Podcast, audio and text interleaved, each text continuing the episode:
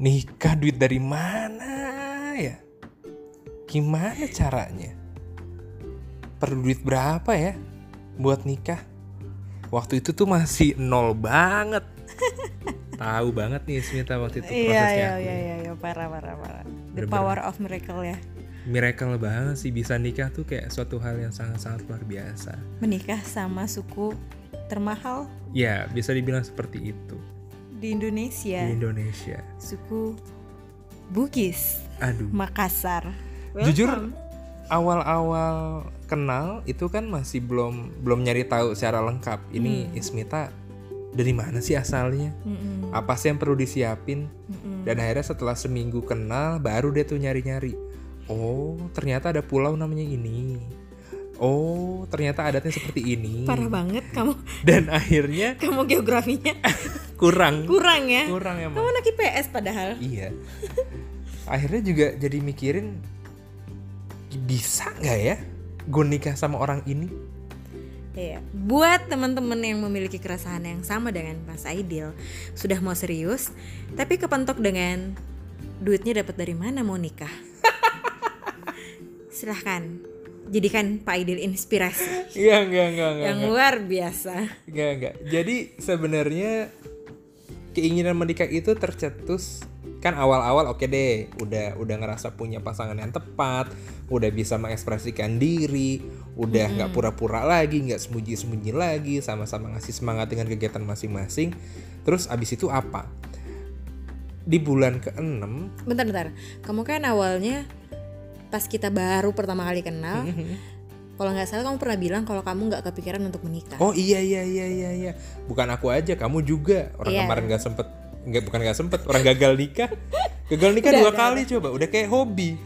Udah kayak hobi. Jadi jangan sampai tiga kali kan. Jangan sampai tiga kali bener. Tapi waktu itu bener. Mending batal nikah, mending batal nikah daripada gagal menjalani pernikahan. Aduh, Mending aku mikirnya gitu. baik baik baik. Iya. Jadi dibanding ternyata berjalan tidak sesuai dengan keinginan, jadi lebih baik dihentikan sebelum Iya, itu betul, terjadi.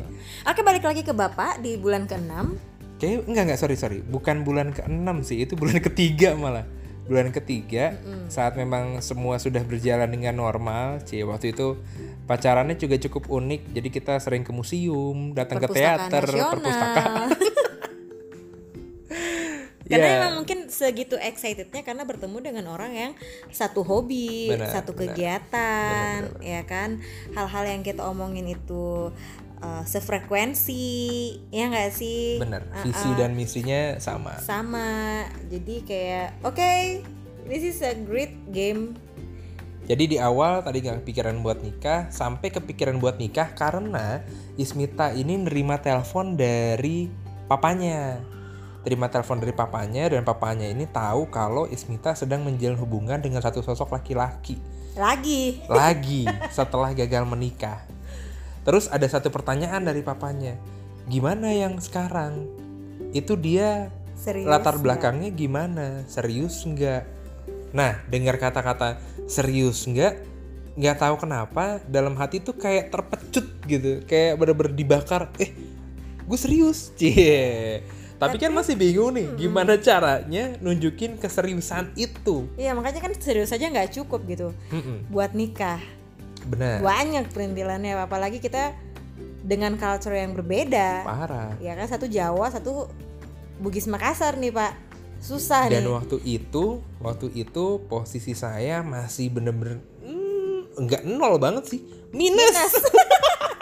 Itu kamu lagi bang ini ya lagi bangkrut bangkrutnya habis habis uh, ngutang usaha. sama bank tutup usaha masih punya cicilan bank dan sebagainya terus ketemu satu sosok perempuan yang di gue pengen nikah sama dia nih gue pengen nunjukin seriusnya gue ke keluarganya dan akhirnya ada kesempatan saat Warni nah ini ada sahabatnya Ismita juga salah satu sahabatnya Iya. Ismita akan menikah waktu itu ya? menikah ya. menikah dan Ismita harus pulang ke Pulau Selayar waktu itu. Mm-mm. Di situ kepikiran kayaknya seru deh kalau emang bisa ikut dan memperkenalkan diri ke keluarganya Ismita di sana. Cuma balik lagi, kan tadi minus, nggak punya tabungan coy. abis ludes namanya bangkrut terus gimana caranya ya bingung banget bingung banget tapi saya coba untuk yakinin Ismita kita pasti berangkat kita pasti berangkat ke Warni yang waktu itu menikah dan sekarang sudah punya anak Ya, selamat selamat Beb. Warni Cuman waktu itu emang kita tuh bener-bener bukan waktu itu sih, tapi sampai sekarang emang karena kita percaya banget dengan uh, LOA-nya Rhonda Bryan, Law of Attraction-nya. Jadi meskipun kita nggak punya, kita selalu uh, apa mempercayai bahwa itu pasti bakalan ada. Oke. Jadi waktu itu karena nggak punya keinginan, bukan nggak punya keinginan, nggak punya tabungan lebih tepatnya, bingung gimana harus bisa berangkat ke sana. Karena Jadi harus beli mahal-mahalnya tiket ya. tiketnya mahal dan nggak bes- nggak nggak beli satu dong, nggak beli satu dua. dong, belinya dua. Dan nggak cuma buat berangkat dong, juga Iya. buat pulang. Ternyata bukan cuma buat berangkat dan pulang, tapi buat jajan-jajan juga entah di bandara, perjalanan dan seterusnya. Oke, sampai akhirnya saya mengingat satu hal bahwa kita mintanya salah kali. Saya kayaknya ada yang salah nih prosesnya. Ada yang bilang mintanya ke yang mencipta, mintanya ke yang punya kuasa. Benar. Jujur, saya bukan pribadi yang bisa dinilai religius-religius amat. Tapi karena punya keinginan kuat dan akhirnya nggak punya siapa-siapa untuk nolong, saya cuma minta sama yang bisa nolong, Ya. maha penolong. Jadi waktu itu saya mulai rutin untuk ibadah sama sedekah.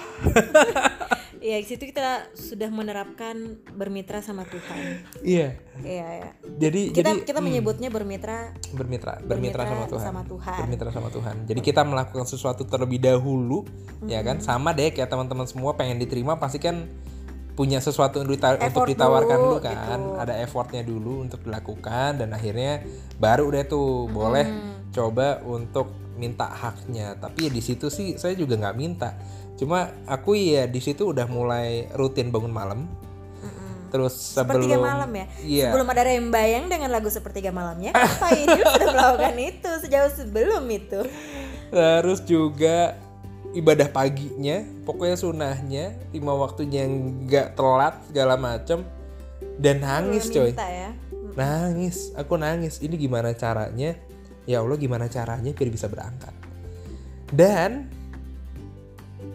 waktu itu udah hamin dua minggu kita masih belum punya tiket, padahal udah waktunya banget itu harus berangkat.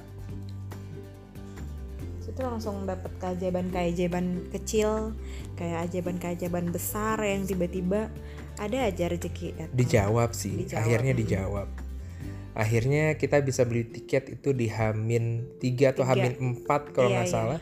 Dan itu juga udah bisa punya modal buat beli Cincin. ini tunangan. Ah, ah. Ih kita bener-bener kalau diceritain ini kisah kita ya, Hmm. bener-bener ya Allah dibanding orang-orang pasangan-pasangan lain tuh udah udah Iya, terstruktur rapi intinya- sistematis Itu ada ada ada berbagai hal yang akhirnya Iya. akhirnya bisa terjadi dan berhasil untuk berangkat. Berhasil untuk berangkat ketemu sama keluarganya Ismita di sana. Ah, eh, hadir dalam pernikahan, pernikahan Warni. Terus aku berapa lama sih waktu itu? eh, empat hari kita. Empat hari empat hari. Nah tinggalnya selama di eh, kepulauan Selayar aku tinggal di rumah kamu kan waktu itu? Iya nginep di rumah. Nginep di rumah. Terus ini yang unik. Kebiasaan minta kepada yang kuasa itu jadi kebawa ke mana-mana Hmm. terutama saat di rumah calon mertua ini iya ceritanya sih mungkin Ismita yang nyeritain ya. Iya, jadi singkat cerita itu nyokap ibu itu posisinya di rumah yang paling rajin tahajudan ketimbang aku sama papa. terus tiba-tiba tuh pagi-pagi dia kaget, terus eh, ngobrol sama aku sama papa sama eh, bertiga dalam kamar. Dia bilang, ya Allah, seumur umur nih baru banget ibu ngeliatin ada yang nemenin tahajudan gitu. Ya kalau aku sama papa kan jarang-jarang kan. ya. Terus ini udah ber- ber- berapa malam gitu dimerhatiin gitu. Di hari terakhir kita di Selayar tuh ibu akhirnya bilang kayak "Eh, eh, baru pertama kali ibu, ibu ngeliat ada yang nemen, eh, ibu ngeliat ada yang nemenin ibu tahajudan terus kayak gue langsung kaget gitu kan sama apa kayak mikirnya tuh setan kayak oh my god jangan-jangan rumah ini berhantu ternyata ibu langsung bilang Aidil bangun tahajud terus ibu lihat dia ngaji eh pendengar ya dengar. Karena di Kak Aidil di kamar. Eh, ibu ngelihat dia ngambil air wudhu terus dia ngaji terus dia sambil nungguin eh, subuhan gitu. Terus kayak ibu ibu itu langsung bilang sama papa kayak apa pun yang terjadi ini adalah menantu yang tepat kata ibu. Jadi jangan sampai papa nolak dia. Karena kalau sampai nolak dia apa gitu ada yang di Al-Quran kan ya kita nggak boleh menolak orang eh, laki-laki yang baik yang sudah datang ngelamar anak kita gitu lah Padahal dibilang baik mah nggak baik. Sekali lagi, Cuman- sekali lagi, aku ngelakuin itu karena aku tahu aku nggak punya apa-apa buat ditawarin. Aku selain nggak- punya Tuhan ya Iya, aku cuma, Iya, aku benar, cuma, benar, benar. aku nggak tahu lagi harus minta tolong ke siapa gitu. Iya iya dengan posisi mohon maaf untuk Bugis Makassar tuh terlalu eh, adatnya tuh masih kental jadi emang harus harus as strict banget lah pokoknya. Dan Kak Aidil itu dia nggak mau ngecewain keluarga aku dia nggak mau ngecewain kedua belah pihak jadi kayak emang wah ini mau harus minta sama siapa? gitu kan nggak mungkin buat nikah harus ngutang ya nggak sih? Jadi ya emang mintanya sama Allah. Ya udah. Akhirnya sebelum pulang di Hamin satu, aku di dikumpulin sama keluarganya Ismita, di meetingin nih kira-kira kelanjutannya gimana. Di sidang, di sidang, di sidang. Kira-kira kapan harus ke balik lagi ke sana, ketemu keluarganya, kapan beberapa acara adat dan ada beberapa hal yang perlu harus dibawa, dipersiapkan gitu. Nah, sebelum berangkat ke Selayar sempat ketemu nih sama sahabat aku Dudun. Oh, Halo iya, Mas iya, Dudun, Mas Sat sama Dudun. Aidi. Saya cinta sama Aidi. Nah, di situ Dudun coba bilang, "Le, jujur aja. Punyanya berapa? Kasih tahu aja. nggak usah ditutup-tutupin. Pokoknya ya jujur aja deh apa adanya." Gitu katanya denger kata Dudun yang sudah menikah bilang bahwa saya harus jujur, jujur saya. Jadi saat memang dikatakan, nak, nanti kamu ke sini bulan ini ya, perlu disiapin juga sekian. Nanti kita bicarakan lagi dengan keluarga. Kira-kira dari kamu gimana? Aku cuma bisa jawab, oh iya iya iya iya bener-bener Waktu itu Iya. kamu juga iya iya aja Iya, nanti saya untuk saya saya coba untuk siapkan gitu. Mungkin Dudun kalau dengar ini juga kesel kali. Karena dia juga satu sosok yang waktu itu ngeliat sesi pernikahan dan dia sempat melotot saat tahu kok bisa saat gitu tahu ada ada hal itu yang yang di apa namanya yang disodorkan. eh jadi kenapa waktu itu bilangnya cuma iye atau bahasa halus dari iya? Karena aku nggak punya apa-apa untuk ditawarin. Hmm. Bayangin deh kalau teman-teman semua punya satu hal untuk ditawarin, pastikan kita bisa negosiasi. Cuma di sini posisi saya tidak dalam tidak Punya. dalam tidak Punya. dalam posisi untuk bernegosiasi gitu. Apa yang bisa dikasih apa yang bisa di- dinegosiasi.